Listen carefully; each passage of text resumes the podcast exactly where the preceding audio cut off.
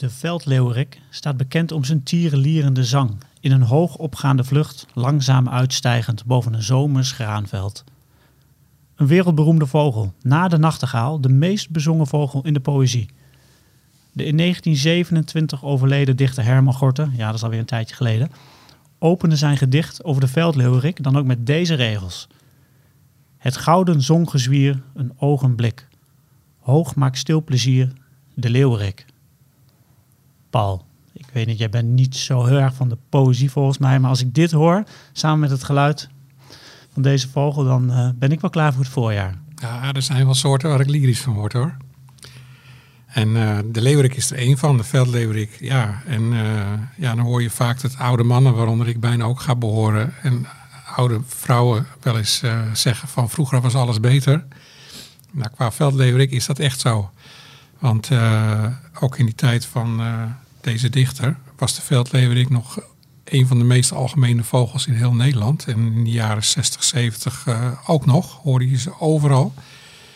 En ik was dan wel geregeld op Texel, een van de bolwerken van, van deze prachtige vogel. En dan hoorde je ze gewoon de hele dag zingen. En als je s'avonds in je tent lag, dan hoorde je ze nog de hele nacht. Echt bizar maar waar, maar het bleef in je hoofd tierenlieren. De hele dag door veldleeuwerik. En dat is leuk dat je het zegt, want straks uh, spreken we nog, uh, kom ik nog even te spreken met Henk Meeuws. En die zegt er ook nog, nog iets over. Dan gaan we snel naar buiten om te luisteren naar de veldleeuwerik. Ja.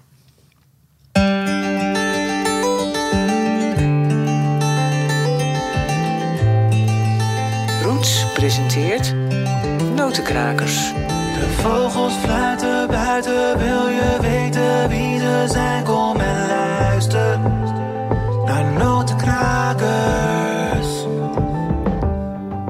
Welkom bij de podcast Notenkrakers. Mijn naam is Daniel Mulder en in deze podcast van maart 2021 alweer neem ik je mee in de wereld van de chilpende, zingende, piepende en kwakende vogels. En tijdens deze reis door de vogelwereld, ja Paul zit altijd te glimlachen, is gelukkig ook altijd Roots-redacteur Paul Beuren aan mijn zijde. Want die weet bijna alles van vogels en dat heb ik altijd hard nodig uh, tijdens deze podcast en input. Um, Paul, jij zei het net al, hè, oudere vogelaars, die hoorden vroeger uh, de veldleeuwerik meer dan nu. Kun je iets uh, uitleggen over hoe dat eigenlijk komt? Nou, ik woon zelf in de vlak bij de Schoolse Duinen. En daar zingen nu de boomleeuweriken volop. Die hoor je gewoon overal waar je wandelt. En ik hoorde van de week één keer heel even een veldleeuwerik. Nou, dat is wel zeg maar het teken aan de wand wat er gebeurd is. Nou, wat ik al zei, sinds de jaren 60, 70 van de vorige eeuw zijn ze ontzettend afgenomen in aantal. De atlas die twee jaar geleden verscheen, zag ik zelfs 95 procent. Er was ooit een half miljoen tot bijna uh, 750.000 broedpaarden in, in die tijd. En nu ja, is dat gewoon uh, ontzettend teruggenomen. Ik denk tot... Ze, ze schatten het maximaal 40.000 paar nog in Nederland. Wat dus wel zo is dat je ze eigenlijk in heel Nederland nog wel kan horen. Want ze zitten uh, op heidevelden, uh, akkerland en duinen. En nou, dat is er natuurlijk allemaal nog wel. Waarom die zo is achteruit gegaan is... Uh, ja, hij is eigenlijk het grootste slachtoffer geworden van de intensieve landbouw. Gebrek aan nestplekken, want ze broeden graag in wat ruiger terrein. de verruiging van de duinen is juist een manco voor ze geworden, omdat ze daar gewoon minder voedsel kunnen vinden. Ja, en het fout maaibeheer, waardoor heel veel uh, dode jongen in die uh, graslanden. Ja, uh, droevig verhaal, maar 95% afgenomen. Dus in ruim een halve eeuw, dus ruim 50 jaar, 95% minder veldleeuweriken in Nederland. Ja, klopt. En ook in de landen om ons heen. Dus het is niet, is, dat is echt heel veel. En, nou, voor we verder gaan praten over uh, de veldleeuwerik, bel ik eerst met Timo Roeken van waarneming.nl om in vogelvlucht te horen wat er allemaal gebeurt in Vogelland Nederland. In Vogelvlucht. Timo, goeiedag. Goedemorgen heren. Leuk dat je weer aanschuift uh, uh, bij onze podcast Notenkrakers. Um, dat doe je iedere maand en dat is altijd heel fijn. En dan bespreken een aantal soorten die uh, bijzonder zijn of die jij opvallend vindt. En ik ben benieuwd wat jij, uh, waar je mee gaat openen. Ja, ja ik, ik had een plannetje bedacht voor eigenlijk voor twee onderwerpen. Maar ik begin denk ik toch bij de bonte kraai. Ja. Um, die uh, Paul is daar wel bekend mee. Uh, misschien nog uh, bekender vanuit zijn jeugd dan vanuit de laatste tijd. Zeker. Maar de, Ja, zeg maar. Nee, klopt. Ja, ja. En ken jij de vogel, eh, Daniel, de bonte kraai? Ik ken hem qua naam, maar ik heb hem eerlijk gezegd nog nooit gezien. Nee. Het is ook een kraai die je eh, eigenlijk wat vaker in het buitenland ziet. Eh, het is eh, in principe, eh, ja, hij is dezelfde grootte als onze zwarte kraai. Alleen zoals de naam al do- doet vermoeden, is die, is die bont. Dus hij heeft eigenlijk twee mooie kleuren. Hij is zwart en een heel erg hele mooie grijs tint eigenlijk over zich heen. En waardoor ik, waarom ik het daarover wil hebben, is dat het is nog steeds winter. We hebben een aantal hele mooie dagen achter de rug. Maar het is nog steeds winter, dus vandaar de bonte kraai.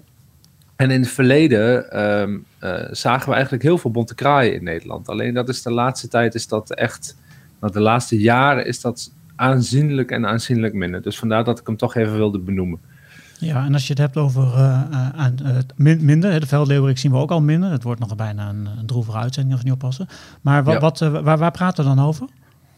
Nou, als je kijkt dat er. ehm, eh, ik heb de cijfers nog even nagekeken, maar als je in 1980, toen hadden we ongeveer eh, 26.000, eh, gemiddeld 26.000 overwinteraars eh, in Nederland. En daarvoor was de soort nog talrijker.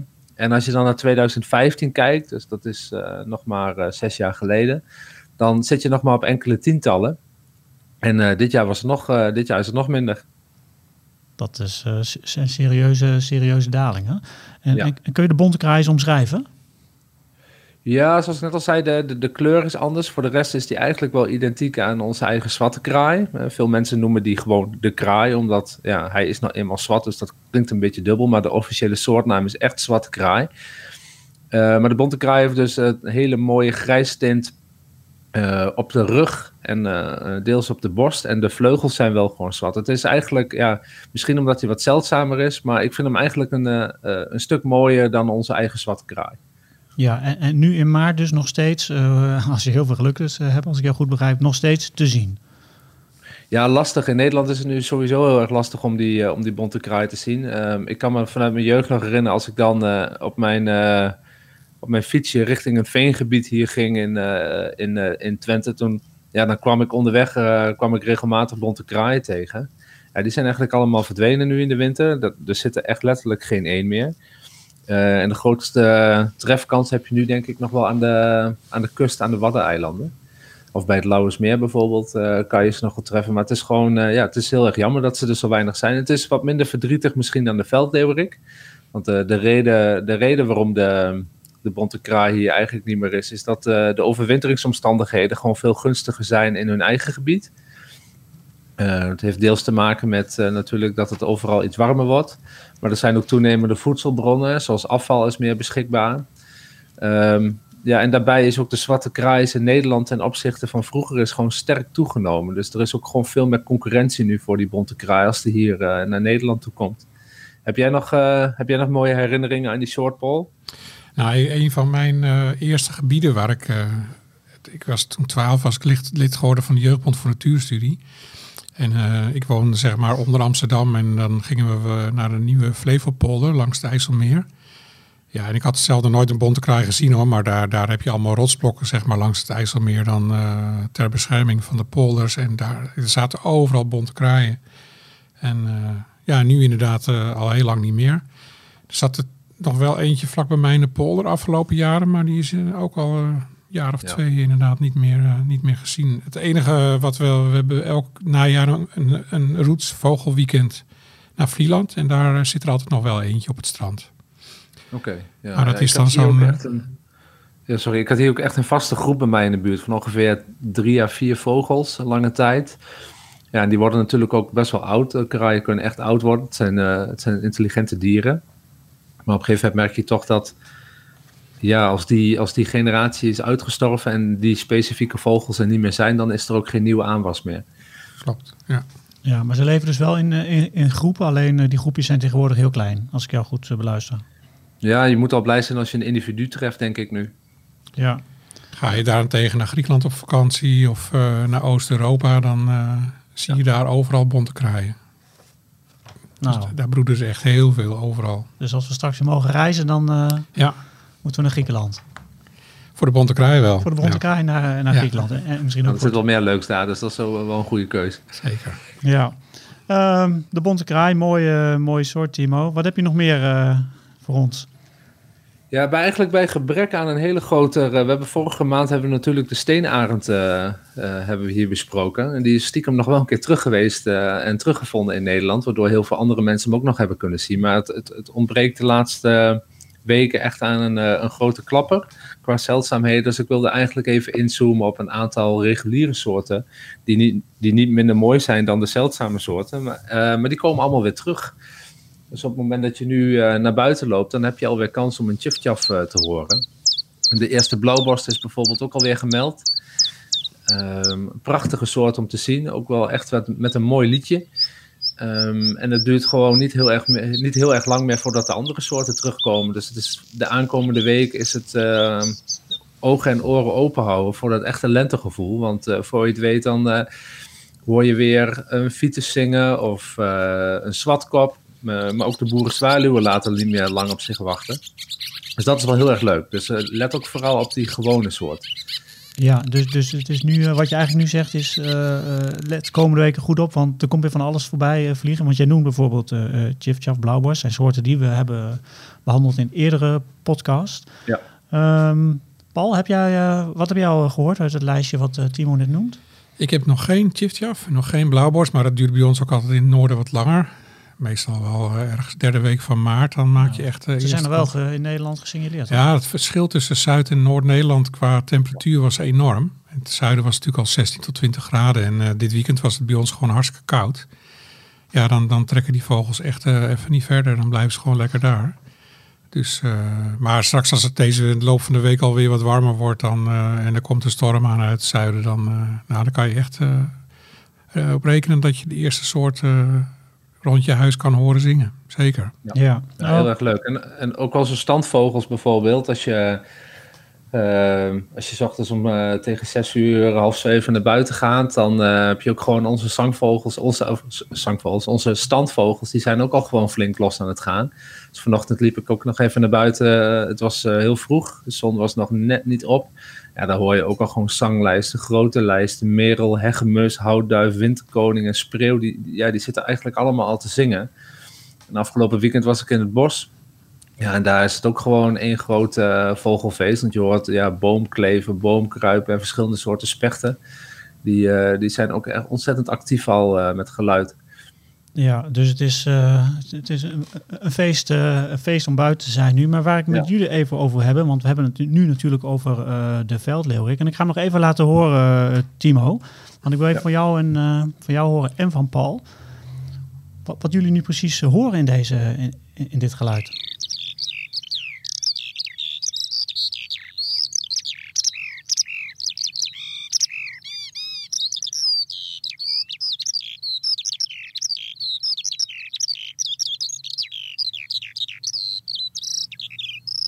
Ja, Timo, ik begin, ik begin bij jou. Het is een, een, een mooie lange riedel. Ja.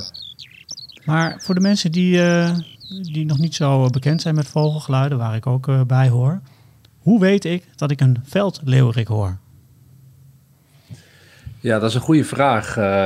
Voor vogelaars is het vaak van, is, het, is het soms moeilijk uit te leggen waarom iets is, omdat, je het, omdat het zo, het, het zit haast in je DNA als je het hoort. Eh, wat, je, wat je net zelf ook al zegt, Daniel, het is een hele lange riedel, eh, on, ononderbroken eigenlijk. Het gaat maar door en het, en het ratelt en het ratelt en het ratelt maar door. Ik denk dat dat wel een hele goede indicatie is voor veldleeuwerik. Als je kijkt naar een andere leeuwerik die in Nederland voorkomt, eh, dat is bijvoorbeeld de boomleeuwerik. Ja, die heeft toch echt een ander lied. Dat is een stuk, ehm, eh, ja, er zit, een, zit echt meer melodie in. Maar de veldleeuwerik is eigenlijk, het gaat maar door en het gaat maar door en het gaat maar door. Ja, want het stukje wat ik net liet horen, dat was ongeveer een halve minuut. Maar ik begrijp dat het ook veel langer kan gaan. Maar, Ja, absoluut. maar Ja. kun je dan zeggen, ik probeer dingen altijd even simpel te houden. eh, voor mezelf en misschien ook voor de luisteraars. Kun je zeggen, als het lang duurt, grote kans op een veldleeuwerik? Of begeef ik me nu op heel glad ijs? Mm, Nee hoor, nee. nee. De boomleeuwerik, die, daar zitten wel wat meer, eh, meer pauzes in. Ja, Paul, heb jij nog een eh gouden Nou, luistertip? Ja, wat heel bijzonder is aan veldleeuwerik is dat ze heel hoog in de lucht zingen. Dus je hoort hem zingen, maar je ziet hem niet. En vaak zitten die leeuweriken op een meter of 200 hoog zelfs. En dan eh, zingen, blijven ze maar zingen. Dus ze- blijven eigenlijk een beetje fladderen in de lucht. En op een gegeven moment als ze dan een vrouwtje zien, dan eh, dalen ze naar beneden.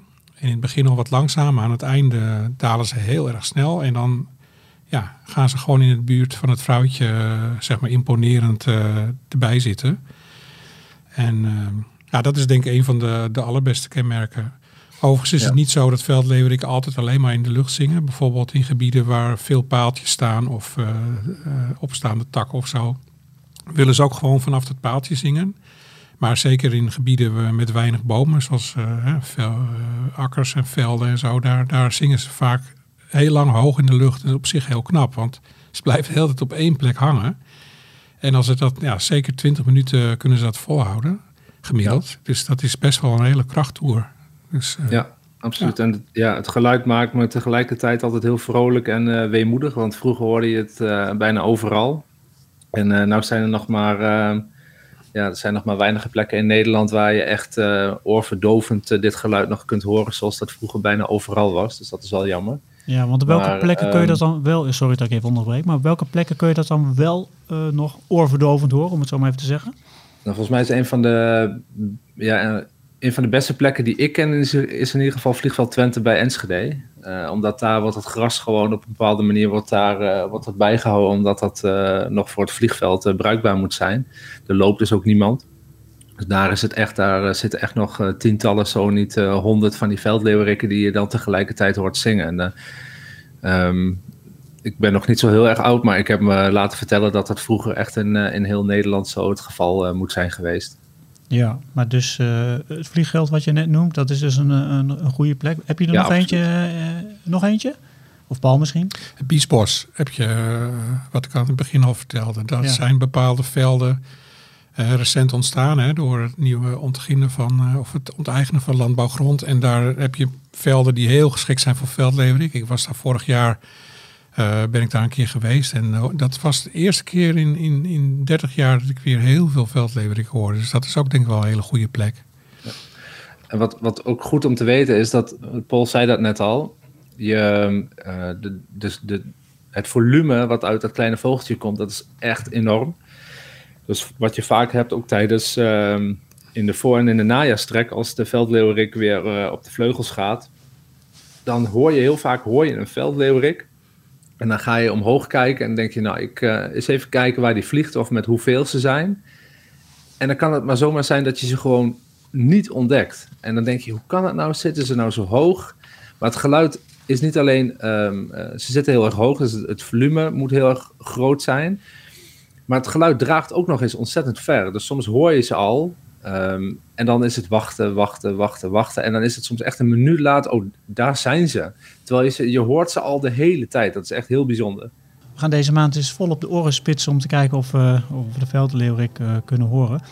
Timo, dankjewel voor, eh, voor- voor je uitleg en voor, eh, voor de mooie soorten die je hebt behandeld. En eh, eh, die andere voorjaarszangers die je net noemde, daar gaan we natuurlijk ook naar luisteren. Dankjewel en tot, eh, tot de volgende keer. Ja, tot de volgende keer. Timo. Doei doei. De mooie vogelgeluiden die je hoort in notenkrakers komen van de app Bird Sound Europe. Henk Meeuwsen, die ook voor ons Vogelmagazine schrijft over vogelgeluiden, heeft veel van, deze, van die geluiden voor de app opgenomen. Achter deze geluidsopnames schuilen mooie verhalen. Daarom heb ik met Henk afgesproken in de kroondomeinen bij het Gelderse Nierse om te luisteren naar het verhaal achter het geluid van de veldleeuwerik.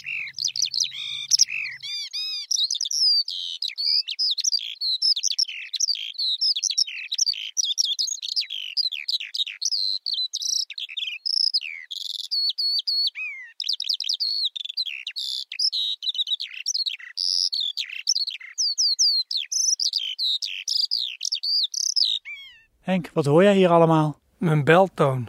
Ik heb de fout gemaakt, of fout, is net hoe je het bekijkt, om van eh, die, deze veldleverik-opname mijn beltoon te maken.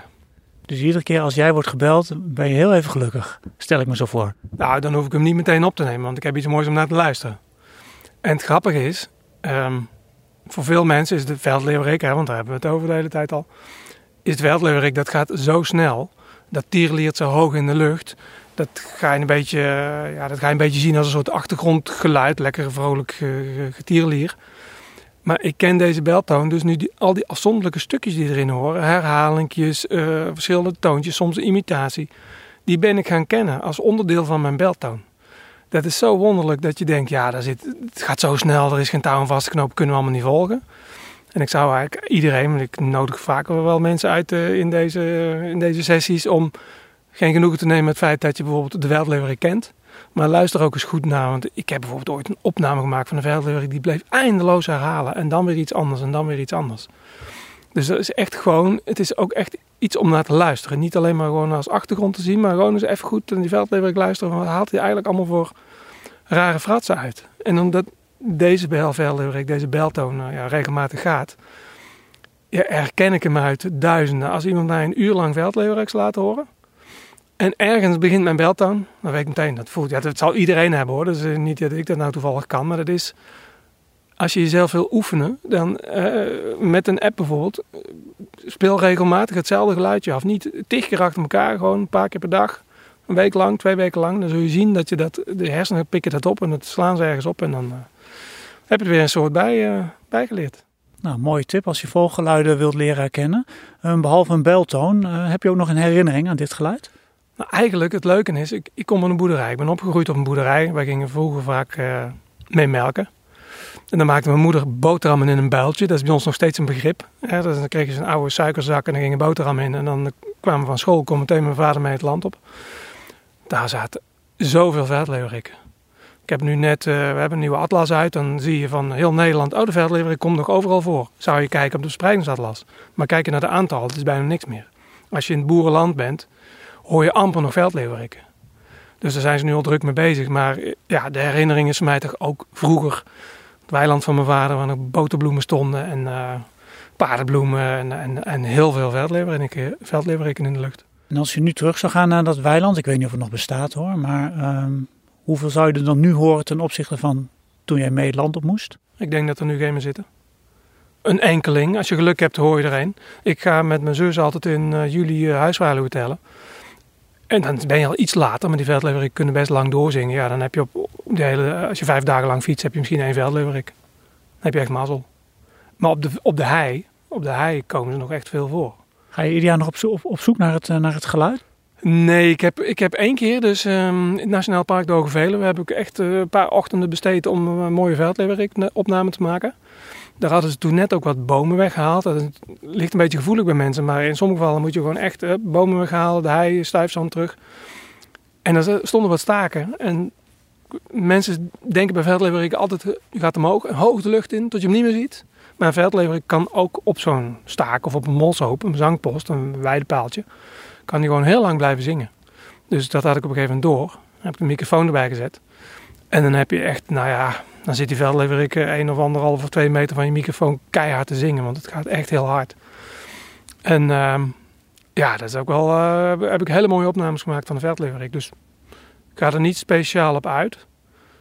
Maar als ik er eentje tegenkom, als ik gewoon aan het wandelen ben ergens, dan ga ik hem toch wel, uh, toch wel opnemen hoor. Maar er valt ook veel te horen, toch? In, in die zang. Ik bedoel, het is, een, ja, ja, het, is, het is heel melodieus. Ja, het is echt een mooie zang om naar te luisteren. En, en uh, ja, ik, ik, kan het ook zien op sonogram. En dan kun je echt heel goed de variatie zien. Ook de snelheid. Razendsnel. Hoeveel toontjes er allemaal... Ja, dat, uh, hoeveel dat er zijn, weet ik niet. Maar het, het is echt razendsnelle zang. En uh, dat, is, dat is heel mooi. En ja, toevallig nog een anekdote. Ik heb er eigenlijk nog één. Um, jij zei, wat hoor je dan allemaal? Dan rol je de verlengsnoer af en dan zit je bij het fietspad. En dan denken mensen dat ze allemaal gesprekjes kunnen voeren zonder dat ze het horen. Maar die microfoon in het veld staat gewoon op te nemen. Dus op een gegeven moment komt er een moeder en een dochter langs. En zegt die dochter, mam, was, is die meneer arm? Want ik zat daar natuurlijk met mijn oude kloffie. Zat ik geluidsopnames op te nemen. Het kind had natuurlijk niet de recorder gezien voor 5000 euro. Maar in ieder geval, de, kind vroeg: Mam, is die meneer arm? En mijn microfoon spikte dat er net op. Nee, zei hij. Meneer zit lekker uit te rusten, kopje koffie te drinken. En dan staat... Nee, maar dat is, dat is echt ook de manier. Want je kunt wel achter, achter een soort aanjagen met je parabool of met je spullen. En even soorten die heel tam zijn en die, die zich nergens iets van aantrekken, kan dat prima. Maar het mooiste opnames maak je zonder alarmerende vogels en een hoop onrust. Gewoon een microfoon neerzetten, de hele tijd laten staan. En gewoon lekker gaan zitten of de hele nacht laten staan. Je had het volgens mij net over twee anekdotes. Dit is, dit is de eerste. Wat is die ander? toen ik eh, begon met mijn huidige baan, ehm, deed ik veldwerk. En dan heb ik eh, in de Eempolder veldleverik opgeno- eh, niet opgenomen. Toen, toen maakte ik niet eens opnames. Toen ging ik... er komen wandelaars aan. Gaan we er even voor wachten of gaan we nog even door? Ja, we kunnen ook gewoon aan de kant gaan en doorgaan. Dan hebben we nog wat wandelgeluidjes. Even gewoon de geluidjes achter. Ja, die, ehm, toen moest ik veldwerk doen. Dan zat ik dus urenlang allerlei vogels in de, in de weidegebied in de Eempolder in te tekenen. En ik hoorde de hele dag dus veldleverikken. Had ik de hele dag aan mijn, aan mijn oren. S'avonds sta ik af te wassen. En op een gegeven moment viel me op, vooral als ik in de bestekbak bezig was, met theelepeltjes eh, en dat soort dingen afdrogen en in de, in de bestekbak knikkeren. Dat gerammel van het theelepeltje in de bestekbak werd door mijn hersenen automatisch geïnterpreteerd als veldleverikkenzang. Zo werken je hersenen blijkbaar. Zoiets van eh, eh, een klein tipje van een sluier is genoeg. Voor, ik, ik heb de hele dag al veldleverikken gehoord. Dat gerammel. Dus dan gaat er ergens in je hersenen dus iets fout met, met, met neuronen en met stroompjes. Je wordt meteen het luikje veldleverik opengetrokken. Terwijl je alleen maar iets hoort wat in de verste verte. Nou ja, je zou kunnen denken, het heeft er iets van weg. Maar ik vond het zo frappant. Dus elke keer als ik, een bestek, als ik het erin gooide, ik vond het zo frappant. En echt, nee, het is echt waar. Ik hoor een veldleverik. Dus je hoort een veldleeuwerik in een bestekbak. Hij zit in je telefoon en buiten. Je ontkomt er gewoon niet meer aan. Maar we gaan nog één keer luisteren naar dat prachtige geluid.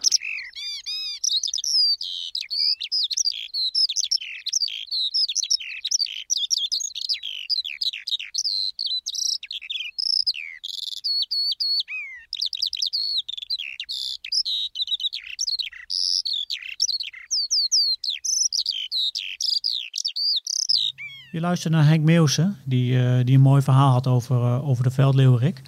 Ehm, Paul, voor we verder gaan over de zang. Ja. We hebben het hele tijd over het geluid van de veldleeuwerik, maar eh, we hebben nog helemaal niks gehoord over, over die eruit hoe, ziet. Hoe die eruit ziet. Ja, Nee. niet onbelangrijk. Is die net zo mooi dat als hij zingt? Ja, het is niet echt een hele mooie vogel. Tenminste, het is maar natuurlijk net waar je van houdt. Maar hij is over het algemeen, het is wel een best wel grote vogel. Hij gaat toch wel eh, richting, eh, richting de spreeuw, zeg maar. Die grootte moet je een beetje aanhouden. Een lange staart. En eh, ja, verder is hij een beetje bruin, bruin, bruin gest- gestippeld, dus gestreept vogel met een, met een witte borst. Wat heel erg opvalt is de vlekken op zijn, op zijn borst, zeg maar. En hij heeft een, een kuifje. En dat kuifje dat kan hij helemaal plat leggen. Maar dat kan hij ook een klein beetje oprichten. En eh, ja, dan heeft hij nog, eh, als je hem ziet vliegen, eh, witte staartpennen aan de buitenkant. Die heel erg opvallen. En de achterrand van de vleugel is ook wit. En daarmee kan je hem dus onderscheiden van soorten als de kuifleeuwerik en de boomleeuwerik. Die, die je dus ook wel in Nederland kunt zien. Ja, en die er redelijk op lijken. Maar jij zegt net, de veldleeuwerik heeft een kuifje. En dan hebben we ook nog de kuifleeuwerik. Klinkt Ja. verwarrend. Klinkt verwarrend. Nou, de kuifleeuwerik die, is ook weer een beetje een triest verhaal. Die eh, is eh, eigenlijk helemaal uit Nederland verdwenen. Vorig jaar zat er dan nog eentje bij Apeldoorn, daar hebben we het nog over gehad in de podcast. Maar eh, vroeger eh, veel gezien op industrieterreinen langs de kust. Teruggedrongen naar het zuiden. In België kan je hem nog wel langs de kust zien. Maar eh, ja, en ook in het zuiden van, eh, van Europa overal. Dus wat dat betreft is gewoon zeg maar de grens van zijn, de noordgrens is gewoon wat naar beneden gegaan. Die vogel heeft echt een kuif, en, eh, helemaal rechtop staand. En de vogel waar je, die je wel nog heel veel ook in Nederland kan zien is de boomleeuwerik. En die heeft, als je die ziet vliegen, heeft hij eh, opvallend korte staart. Veel korter dan de veldleeuwerik. Va- Meer een gedrongen drongen vogeltje.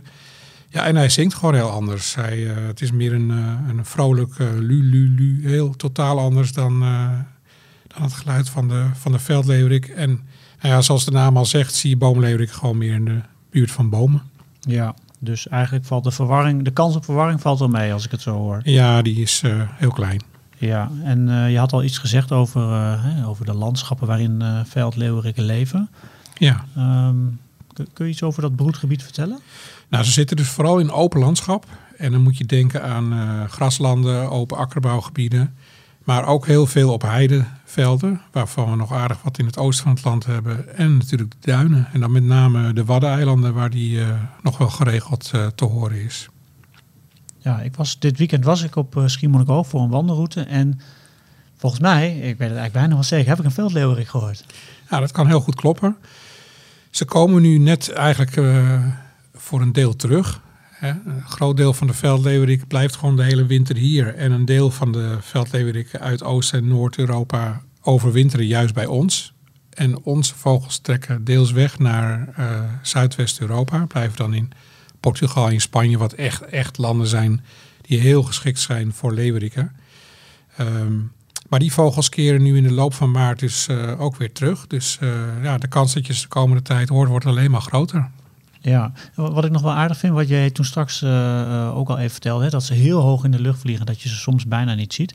Ik weet niet of jij het nog weet, maar een jaar of tien geleden liep ik een keer in Groningen bij eh, de Vrijlemaborg. Daar heb ik jou gebeld, want toen hoorde ik iets zingen, hoog in de lucht, maar ik zag het niet. Ik zei, Paul, wat is dit? En toen Ja, liet ik het klopt. horen.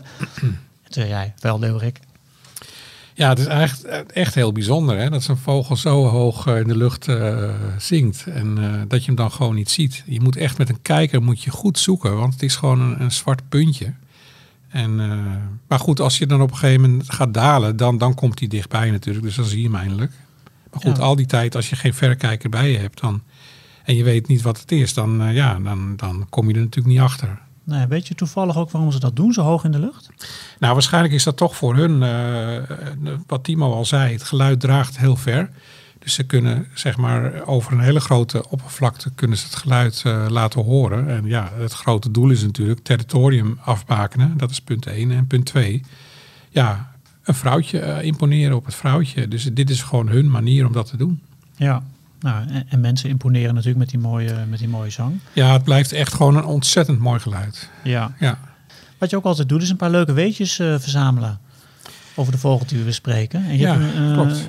eh, je hebt een hele lijst gevonden. ja ik zal even drie Misschien, dingen misschien noemen. kun je de drie leukste eruit halen. Ja, klopt. De, de, de veldleeuwerik neemt een heel graag een stofbad. Net als dus ook bekend van huismussen. Die, die eh, vinden het heel erg fijn om eh, lekker met hun buik in het stof te gaan en dan de vleugeltjes helemaal eh, erin te, te badderen, zeg maar. Dus niet in het water, maar in het stof. Dat helpt gewoon eh, tegen parasieten. Eh, wat ik heel bijzonder vond, is dat eh, de langste zangvlucht ooit eh, gemeten in minuten 56 minuten bedraagt. Dus een veldleeuwerik die maar liefst bijna een uur stil in de lucht bleef hangen. 56 minuten aan één stuk door. Dat is een aardig recordje, Zo volgens mij. Ja. Nou, en wat is ook heel leuk, wat ik het ook al over had, de, de trek. eh voorjaarstrek is eh, iets minder opvallend dan een najaarstrek. Dan komen ze ook uit Noord- en Oost-Europa hierover. En dan eh, ja, met gunstige wind, zuidoostenwind. En zeker als het een paar dagen slecht weer is geweest en opeens komt er een hele mooie heldere dag. Dan maak je kans op echt duizenden overtrekkende veldleeuweriken. En ik zie bijvoorbeeld een recordgetal op 19 oktober 2012 dat er op, bij Kinderdijk drie- 23.406 veldleeuweriken werden geteld. Ja, Zo. dat is wel echt een enorm eh, aantal natuurlijk. En dan is ook hun, eh, hun trekroep te horen, zoals deze. Ja, klopt. Ja. Dat is, dat is een kort Dus dan heb je op één dag eh, de helft van het aantal broedvogels in Nederland over je heen gehad. Dus dat is op zich wel grappig. Zo, dat is inderdaad een flink aantal. Nou, wat ook heel bijzonder is misschien om te horen, eh, dat ik had het nooit verwacht, maar dat veldleeuweriken ook eh, succesvol zijn geïntroduceerd in Nieuw-Zeeland en Australië.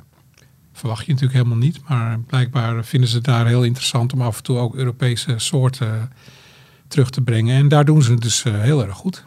Ja, ook, eh, weet je ook nog eh, in één zin waarom dat gebeurt? Dus of je, dat is gewoon gebeurd? Dat gebeurt met meer soorten. Waarom ze dat doen, weet ik ook eerlijk gezegd niet. Maar eh, vooral diverse soorten zangvogels. En ja, blijkbaar hebben ze, daar dan, hebben ze die daar niet. En dan proberen ze het gewoon eens om die dingen daaruit te zetten. En ja, bij die veldleeuwerik eh, werkt het. Nou, mooie weetjes. Dat waren er drie volgens mij. Ja, klopt. Nou, wil je nou meer weten over, eh, over vogels en meer leuke weetjes ook lezen? Roots brengt twee keer per jaar het Vogelmagazine uit. En deze krijg je bij een, een jaarabonnement op Roots. En dat nieuwe voorjaarsnummer, eh, daar, wordt, daar is eh, druk aan, gewerkt de afgelopen tijd. Die verschijnt 30 maart en die kun je eenvoudig losbestellen via onze site rootsmagazine.nl. En als je hem gewoon online bestelt, krijg je hem zonder verzendkosten thuisgestuurd. Paul, 30 maart, nieuwe Vogelmagazine. Ja, en misschien wel erg leuk om te zeggen nog even over de inhoud. Dat eh, gaat onder andere over eh, kraaien. Dus ook de bonte kraai. En het verschil met de zwarte kraai, de kou en de roek. En de raaf, uiteraard. als je geïnteresseerd bent in vogels kijken, maar je bent zelf nog niet zo goed en je wilt eens een keer een dagje met een gids mee, dan hebben we verschillende mogelijkheden eh, op een rijtje gezet voor een dagje vogelen in Nederland. Ook leuk is een heel groot artikel over albinisme. Dus eh, vogels die wit worden en waarom. En waarom worden sommige vogels helemaal zwart. Ja, en verder eh, onder andere nog eh, een heel mooie reportage over het Lauwersmeer. Een van de, ja, een van de beste vogelgebieden in Nederland waar je bijvoorbeeld straks die blauwborst gewoon gegarandeerd ziet. Ja. Dat en meer. Dus eh, ik zeg kopen. Klinkt goed, klinkt goed. Dan gaan we nu naar, een, naar mijn lievelingsrubriek. Zeg ik elke keer weer, wat er niet zo is, want ik vind de andere rubriek ook leuk. Maar ik vind het een leuke rubriek. En dat is... In deze rubriek stellen luisteraars vragen over vogels. Wat een vraag! Ja, Paul, een routelezer, stuurde een vraag. Veronique de Vries, een tijdje terug al. Maar ehm, zij wil graag weten, blijft de roerdomp zwin- zwinters in Nederland? Dat is een vraag waar ik eerlijk gezegd nooit over na heb gedacht. Nee. Maar nu ik hem zo lees, denk ik van, eigenlijk best een goede vraag. Is zeker een goede vraag. Het is, geldt voor best wel veel vogels dat de winters natuurlijk alsmaar zachter worden.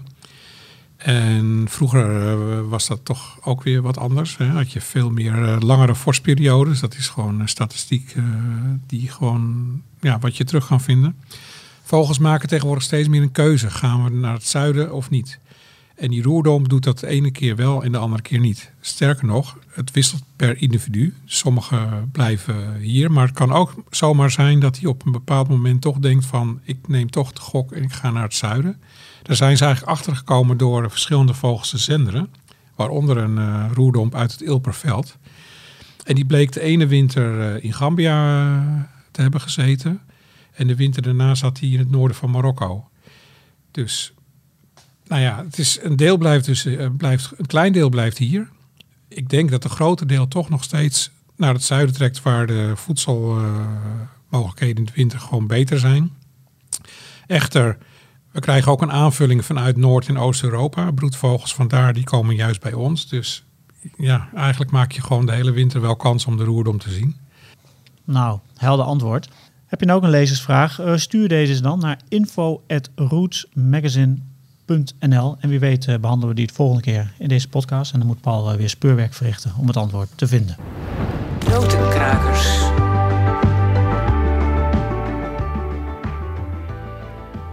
De vogelgeluiden die in deze podcast hoorden, die komen van, eh, van de app Bird Sounds Europe. En die wordt onder meer gemaakt door Henk Meeuwsen. We hadden het net al even over het Vogelmagazine. Kun je geen genoeg krijgen van vogels? Dan is het Vogelmagazine misschien echt iets voor jou. Nieuwe nummer ligt 30 maart in de winkel. En eh, je krijgt hem eh, ook als je een abonnement neemt eh, op Roots. Hij zit standaard in het abonnement, dus dat is ook aardig. De nieuwe Roots trouwens, die verschijnt eh, 25 maart. Dus is net iets eerder dan het Vogelmagazine. Dus eh, er is genoeg te lezen de komende tijd. En Paul? Ja, de volgende podcast. Waar gaat die over? Ja, over een van mijn grote favorieten, de steenuil. De steenuil. Ja, en waarom is dat een van je grote favorieten? Ja, het is natuurlijk een van de mooiste uiltjes van Nederland. En eh, schattig om te zien. De meeste mensen zullen vogelaars, liefhebbers, zullen hem wel kennen van eh, Beleefde Lente. Waar, ze, waar je letterlijk eh, in zijn eigen huis kijkt de hele tijd. En waar je alles kan, kan volgen. En die camera's staan ook alweer aan, zag ik.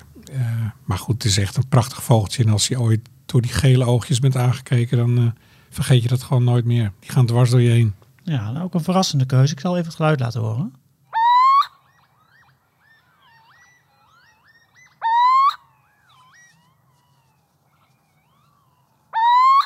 Uh, steenuilen en zingen, daar had ik niet gelijk uh, een beeld bij, maar dit dus. Dit geluid en uh, vooral in maart en begin april gewoon een groot deel van Nederland te horen. En een heel spannend geluid. Ja, een spannend geluid is het, uh, is het zeker. Maar daarover uh, volgende keer dus meer. Leuk dat je luisterde trouwens naar Notenkrakers. En als toetje laten we nog één keer dat prachtige geluid van de veldleeuwerik horen.